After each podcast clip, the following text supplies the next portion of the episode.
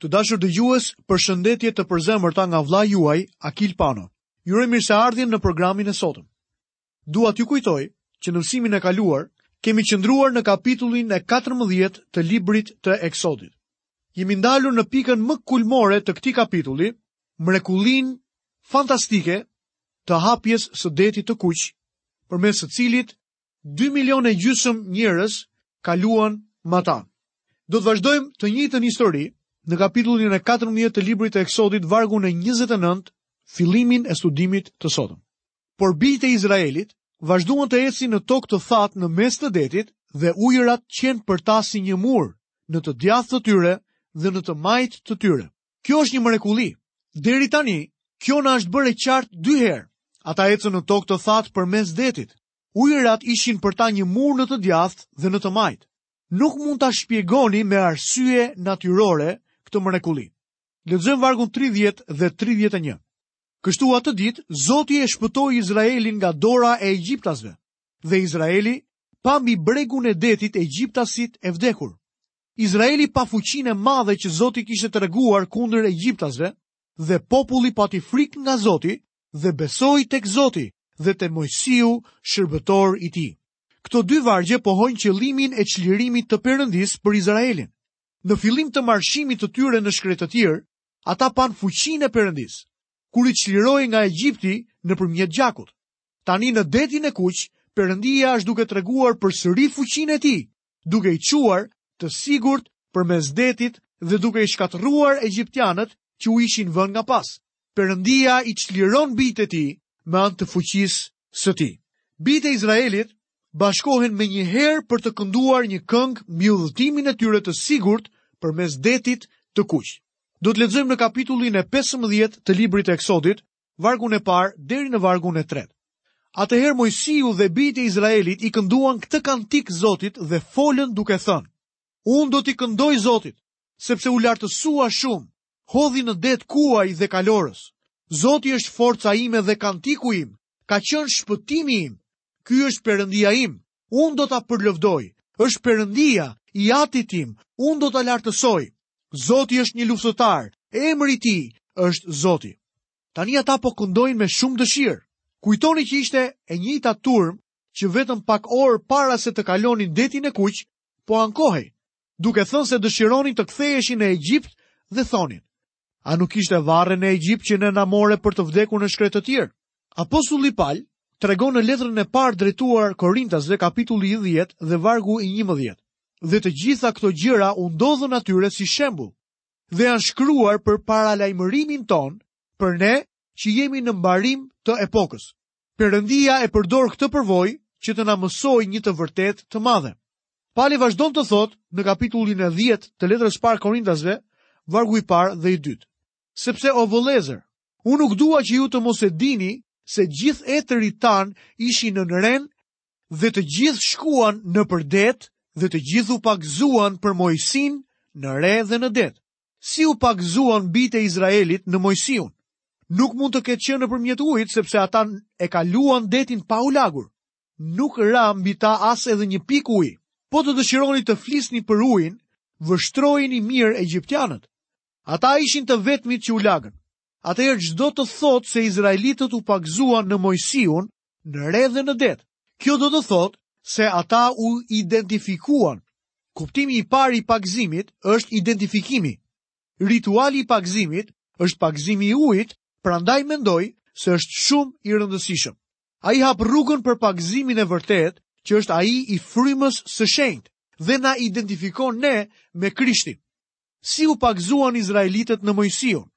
Ata u ankuan në një anë të detit dhe kur kaluan në anën tjetër, kënduan këngën e Mojsiut. Kështu u identifikuan me Mojsiun. Ata u çliruan përmes tij. Shkruesi i librit të hebrenjve, në kapitullin e 11 dhe vargun e 29, na thotë, me anë të besimit kaluan nëpër detin e kuq si të ishte tokë e thatë, ndërsa kur Egjiptasit u përpoqën ta bëjnë, u mbytën. Izraelitët e kaluan detin vetëm nëpërmjet besimit. I kujt ishte ai besim? Nuk ishte besimi i bijve të Izraelit sepse ata nuk kishin besim derisa e kaluan detin. Ata ishin të identifikuar me Mojsiun. Ishte besimi i Mojsiut. Ishte Mojsiu ai që e goditi detin e kuq. Ishte ai që i drejtoi përmes atij deti. Kur arritën në anën tjetër të detit, Ishte Mojsiu ai që ngriti një këngë çlirimi. Tani ata e kanë parë shpëtimin e Perëndisë. Ata janë identifikuar me këtë shërbëtor të Zotit, Mojsiun. Ata u pagëzuan pra në Mojsiun. Miq, kështu ndodh kur i besoni Zotit Jezu Krisht si shpëtimtar. Ai është i vetmi që na nxjerr nga skllavëria dhe errësira egjiptiane e kësaj bote. Ai na drejton përmes detit të kuq. është çlirimi i tij, shpëtimi dhe shpengimi i tij. Vetë Jezusi na sjell në vendin ku ne mund të ngremë një këngë shpengimi për të. Kështu bashkohemi me të. Ne jemi pagëzuar në Krishtin. Tek letra e parë drejtuar Korintasve, në kapitullin 12 dhe vargun e 13, na thuhet, sepse të gjithë ne jemi pagëzuar në një frymë të vetëm, në të njëjtin trup, qofshim hebrenjtë apo grekët, qofshim skllevërit a të liruarit dhe të gjithë jemi ujitur në të njëjtin frymë. Fryma e shenjtë na bashkon në Krishtin dhe na bën një me të. Është e mrekullueshme që të bashkohesh me Zotin. Një herë, një zonjë e këndshme duke folur për sigurinë e shpëtimit të saj, Tha, asnjë nuk mund të të heqë nga duart e tij. Dikush iu përgjigj. Mirë, por mund të rrëshqasësh përmes gishtave të tij. Dhe ajo tha, o jo, nuk mund të rrëshqisja përmes gishtave të tij, sepse unë jam njëri prej tyre, njëri nga gishtat e tij. Miq, kjo është e vërtetë. Ne jemi gjymtyrët e trupit të Krishtit. Fryma e shenjtë e Perëndisë na bashkon në të. Shpengim të mrekullueshëm që kemi në Krishtin. Ajo që i ndodhi Izraelit është një shembull për ne.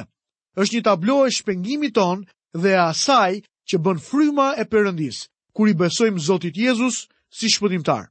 Para se izraelitët të bashkoheshin me Moisiun për t'i kënduar Perëndisë së tyre, Këngën e shpengimit, ata po këndonin bluz, bluzin e shkretëtirës. Para se të kalonin detin, ata e këndonin bluzin me zë të lartë dhe do t'i ktheheshin bluzit të shkretëtirës përsëri, sepse do të jetë tema e këngës së tyre, ndërsa udhëtojnë përmes shkretëtirës. Megjithatë, për një farë kohe, ata po e këndonin me dëshirë këngën e shpengimit. Kjo këngë mund të krahasohet me këngën e Deborës dhe Barakut në librin e gjyqtarëve. Në Bibël, fjalën e Perëndisë, gjenden shumë këngë. Tek psalmet ndodhen këngë që janë kompozuar nga mbreti David. Do të zbuloni se këngët e tij janë shumë të bukura. Edhe profeti Jeremia kishte bërë një këngë, edhe pse shpesh përshkohej nga vajtimi. Në të gjithë Dhiatën e vjetër, profetë të tjerë kishin këngët e tyre. Dhiata e re hapet me këngë. Ungjilltari Luka ka regjistruar disa prej tyre, si për shembull kënga e Elisabetës kur i thanë se do të lindte një fëmijë. Maria gjithashtu këndoi një këngë kur mësoi se ajo do të ishte nëna e Zotit tonë Jezu Krisht. Po kështu, shumë këngë të tjera lidheshin me lindjen e Krishtit. Së fundi, në librin e zbulesës, kemi një pamje të parajsës ndërsa shohim një grup të mbledhur rreth fronit të Perëndisë që këndojnë një këngë të re. Ka mundësi që ajo të jetë hera e parë që do të jem në gjendje të këndoj. Tani për tani nuk këndoj mirë, por atëherë me një trup të ri dhe një zë të ri, jam i sigurt se do të jem në gjendje të këndoj një këngë të re.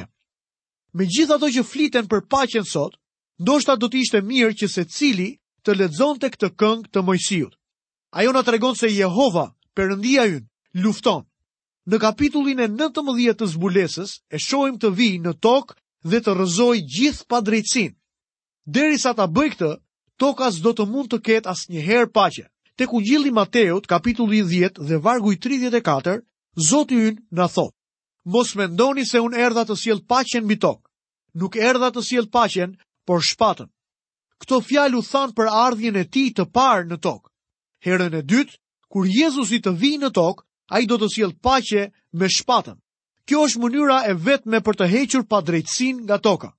Kjo këngë e Moisiut dhe izraelitëve tregon për përvojën e mrekullueshme që kishin kaluar kur kaluan detin e kuq.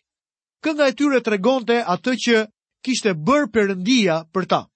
Ishte diçka që nuk mund ta harronin kurrë, por sigurisht që kjo këngë ua kujtonte gjithmonë atë përvojë të mrekullueshme.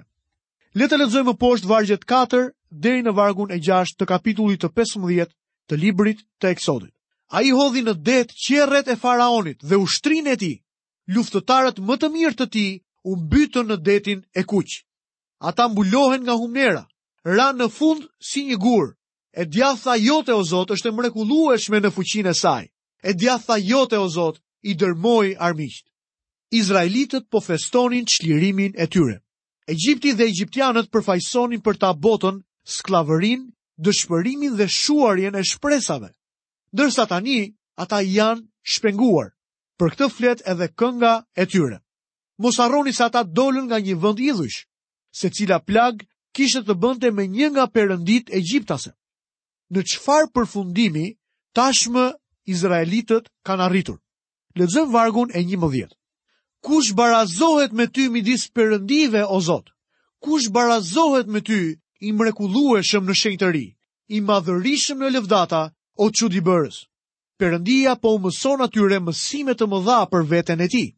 Shikojmë më poshtë vargun e dymbëdhjetë dhe të trembëdhjetë. Ti shtrive dorën e djathtë dhe toka i gëlltiti. Me mëshirën tënde ke udhëhequr popullin që e ke shpenguar. Me forcën tënde e ke çuar drejt banesës sate të shenjtë. Izraeli ishte një popull i shpenguar. Shpengimi duhet të vijë i pari. Kjo është mjaft e rëndësishme sot. Perëndia nuk po të kërkon të bësh gjëra për të, derisa të shpengohesh dhe të kesh pranuar shpëtimin e tij të realizuar nga Jezu Krishti mbi kryq. Ai nuk po të kërkon asgjë. Ai nuk po kërkon që bota të bëjë ndonjë gjë. Perëndia nuk thotë, "Në qoftë se do të jepni prova të mira për veten tuaj, atëherë unë do t'ju pranoj. Do të ngriheni lart, të lani fytyrën, të punoni kopshtin tuaj dhe të keni një paraqitje të mirë. Atëherë jam gati të jem fqinji juaj i mirë." Të dashur dëgjues, Perëndia nuk kërkon gjë prej botës. Ai po i thotë një bote të humbur, Çfarë do të bëni me birin tim, të cilin e dhashë për ju dhe vdiq për ju? Dëgjojmë edhe një herë vargun e 13. Me mëshirën tënde, ke udhëhequr popullin që e ke shpenguar, me forcën tënde e ke çuar drejt banesës sate të shenjtë. Duket sikur tashmë ata janë në tokën e premtuar. Do të ndodhë kështu sepse Perëndia i do dhe do t'i çojë ata me siguri. Lexojmë më poshtë vargun e 18 dhe të 19. Zoti do të mbretërojë gjithnjë, përjetë, pasi kuajt e faraonit me qerret e tij dhe kalorësit e tij kishin hyrë në det dhe Zoti kishte kthyer mbi ta ujërat e detit, por bijtë e Izraelit kishin ecur në mes të detit në të thatë. Tani prezantohemi me një vajzë për të cilën nuk kemi dëgjuar që nga lindja e Moisiut. Ajo është Miriami, motra e Moisiut dhe Aaronit. Lexojmë vargun 20 dhe 21. Atëherë profetesha Miriam, motra e Aronit, mori në dorë dajren dhe të gjitha gratë e ndoqën nga pas me dajre dhe me valle. Dhe Miriami u këndonte atyre. Këndojini Zotit sepse u lartësua shumë, hodhi në det kuaj dhe kalorës. Ky është edhe përfundimi i kësaj kënge lavdërimi dhe falënderimi ndaj Perëndisë për çlirimin e tij. Tani le të shohim më poshtë se çfarë ndodh. Izraeli ankohet sepse i mungon ujë. Tani Izraeli e ka kaluar detin. Ata kanë kaluar një kohë të mrekullueshme lavdërimi duke kënduar këngën e Moisiut. Ata janë një popull i çliruar. Mund të mendoni se që tani e tutje jeta do të jetë një fushë me lule, dhe se do të çlirohen nga të gjitha vështirësitë e tyre. Nuk duhej të kishte asnjë re në qiell, as gjemb rrugës dhe as edhe një psherëtimë prej ndonjërit. Ata bënë 3 ditë udhëtim në shkretëtirë dhe çfarë u ndodhi? Ata filluan që të ndiejnë etje. Lexojmë vargun e 22. Pastaj Moisiu i nisi izraelitët nga Deti i Kuq dhe këta u drejtuan nga shkretëtira e Shurit, Ecën tri ditë në shkretëtirë dhe nuk gjetën ujë. Egjipti kishte qenë një vend i pasur dhe me shumë ujë. Krejt papritur, bijtë e Izraelit kaluan Detin e Kuq dhe u gjendën në rrethana krejt ndryshe. Nuk kishte më ujë. Nuk kishte më cisterna si në Egjipt, dhe nuk i gjetën burimet e ujit. Besoj se këtë përvojë e kalojnë të gjithë fëmijët e rilindur të Perëndisë. Pas shpëtimit, besimtari zbulon se cisternat e Egjiptit nuk mjaftojnë aspak. Ai gjendet në një periudhë etjeje shpirtërore. Kjo është periudha për të cilën flet apostulli Pal tek letra drejtuar Filipianëve kapitullin e tretë dhe vargun e shtatë, kur ai thotë: "Por gjërat që më ishin fitim, i konsiderova për shkak të Krishtit humbje." Pastaj apostulli zbulon një etje të madhe dhe një dëshirë të paparë kur thotë tek filipianët në kapitullin e 3 dhe vargun e 10, që të njoh atë dhe fuqinë e ringjalljes së tij dhe pjesëmarrjen në mundimet e tij, duke u bërë vetë i ngjashëm me të në vdekjen e tij. Këtë përvojë kalon edhe çdo fëmijë i Perëndisë pasi ka rilindur sërish dhe është shpenguar. Do të dëshiroja t'ju tregoja përvojën time personale. Më kujtohet, kur Perëndia vuri përfundimisht dorën e tij mbi mua për shërbesë. Unë e njoha paqen e Perëndisë përmes besimit në Krishtin. Dëshiroja të mësoja për shërbesën, por në atë kohë, punoja një, në një bankë dhe udhëtoja me një turmë shumë të shpejtë. Mendoja se po kaloja një kohë të shkëlqyer. Isha kryetari i një komiteti vallëzimi në të njëjtën kohë. Në atë kohë, gjithmonë të duhej të pije liker kontrabandë për të kërcyer. Ia kisha përkushtuar jetën time Zotit, por vendosa të mos hiqja dorë menjëherë nga jeta e vjetër, krejt papritur. Do të tërhiqesha ngadalë. Atë natë vendosa të shkoja në vallëzim, por nuk do të kërceja. Thjesht do të rrija aty dhe do të hidhja sytë rreth e rrotull. Të paktën, 12 herë më ofruan pije, por nuk pranova. Në fund takova dikë që punonte në bankë me mua por që më mbante mëri. Mua më kishin ngritur në përgjegjësi përpara tij dhe ai nuk ma kishte falur kurrë këtë gjë. Nuk ishte faji im sepse nuk e drejtoja unë bankën dhe nuk i bëja unë ngritjet në përgjegjësi. Por megjithatë, ky person mbante ende inat me mua.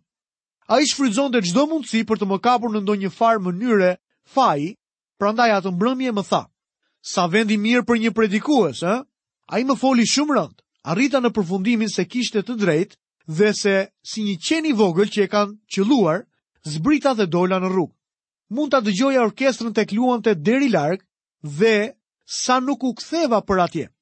Dëshiroja të kthehesha dhe t'i thosha atij, "Dëgjo, unë do të qëndroj këtu me gangsterët. Lavdi Zotit që nuk e bëra. Pasi ke marrë shpëtimin, gjithmonë do të udhëtosh nëpër shkretëtirë. Do të kesh etje, por cisternat e Egjiptit nuk do të të kënaqin më, Ju kërkoni ujë, por në të vërtetë nuk dini ku ta gjeni. Në atë kohë, nuk dija shumë për Biblën dhe nuk mund të drejtohesha për tek ajo. Por shpejt zbulova Ungjillin e Gjonit, kapitullin e 7 dhe vargun e 37. Ditën e fundit, në ditën e madhe të festës, Jezusi u çua në këmbë dhe thirri duke thënë, Nëse dikush ka etje, le të vijë tek unë e të pijë. Sa e mrekullueshme ishte të shkoje tek Jezusi. Etja dhe mungesa e ujit ishte përvoja e tyre e parë. Tani ata po kalojnë një periudhë të dytë, që nuk ishte shumë më e mirë. Le të shikojmë se çfarë ndodh me izraelitët në shkretëtirë ndërkohë që etja i kishte zënë. Lexojmë vargun e 23 deri në vargun e 26. Kur arritën në Mara, nuk mund të pinë ujërat e Marës sepse ishin të hidhura, prandaj ky vend u quajt Mara. Atëherë populli murmuriti kundër Moisiut duke thënë: Ç'do të pimë. Kështu ai i bërtiti Zotit dhe Zoti i tregoi një dru. Ai e hodhi atë në ujë dhe ujërat u bënë të ëmbla. Atje Zoti i dha popullit një ligj dhe një dekret, dhe e vuri kështu popullin në provë dhe tha, Në qoftë se ti dëgjon me vëmendje zërin e Zotit Perëndisë tënd, dhe bën atë që është e drejtë në sytë e tij dhe dëgjon urdhërimet e tij dhe respekton tërë ligjet e tij, Unë nuk do të jap asnjë nga ato sëmundje që u kam dhënë egjiptasve, sepse unë jam Zoti që të shëron. Përvoja e tyre e dytë në anën tjetër të detit është uji i hidhur i Maras. Ata kanë bërë 3 ditë udhëtim në shkretëtirë dhe janë të etur. Kur më në fund gjejnë ujin, ai është i hidhur dhe që nuk mund të pihet. Dhe mos harroni se bijtë e Izraelit tani janë të shpenguar. Mara ishte përgjatë rrugës ku i drejtoi Perëndia. Ai e kishte bërë gati atë vend për ta. Mund të mos e kuptoni, por oazi i Maras është një përvojë normale e krishterë. Kur një i krishterë kalon në një përvojë të hidhur, papritur duket sikur çakordohet fare.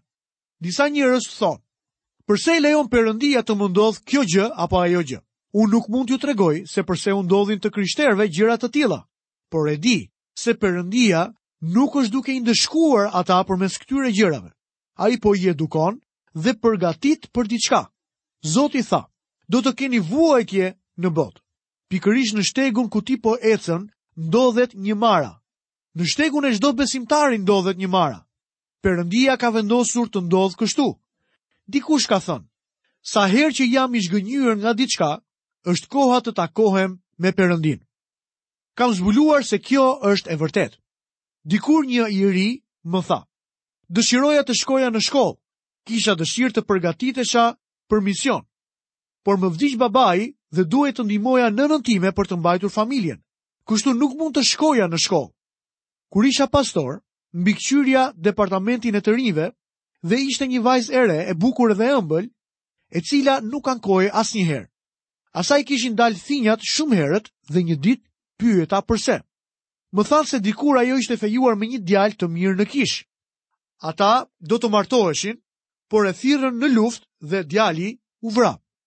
Kjo bëri që t'i dilin thinjat. Dhe kjo ishte një mara në jetën e saj. Mik, ka shumë zhgënjime, dështime dhe shqetësime në jetë. Planet tuaja mund të copëtohen në mijëra copash. Mund të keni një varr të vogël në anën e një kodre diku. Unë e kam. Mund t'ju them se ne të gjithë kemi marat tona. Nuk do t'i anashkaloni ato. Nuk mund t'u vini tërthorazi atyre t'i kapërceni apo të hapni ndonjë tunel poshtë tyre. Perëndia shpesh përdor një hekur damkosës. Më kujtohet Teksasi Perëndimor, në pranverë kur damkoseshin viçat. Kur isha i vogël, shihja hekurin e damkosjes kur e vinin mbi njërin prej tyre. O sa pëlliste ai! Kjo më bënte të ndihesha keq kur e dëgjoja të qante.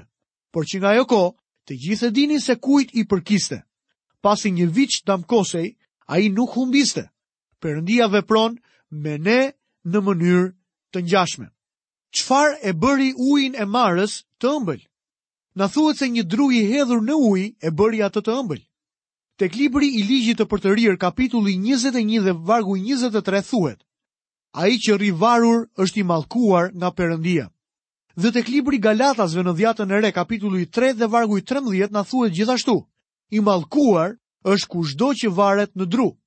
Jezu Krishti vdiq mbi një dru dhe është ai kryq që i bën të ëmbla përvojat e jetës. Ai provoi vdekjen për të gjithë dhe e hoqi gjëmbin nga vdekja. O vdekje, ku është gjëmba jote? O ferr, ku është fitorja jote?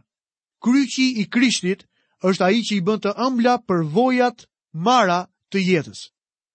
Të dashur dëgjues, këtu kemi mbërritur dhe në fundin e programit të sotëm. Dua t'ju kujtoj që mësimin e sotëm do ta vazhdojmë në programin e ardhshëm. Deri atëherë, nga vëllai juaj, Akil Pano keni të gjitha bekimet dhe paqen e tij në jetën tuaj.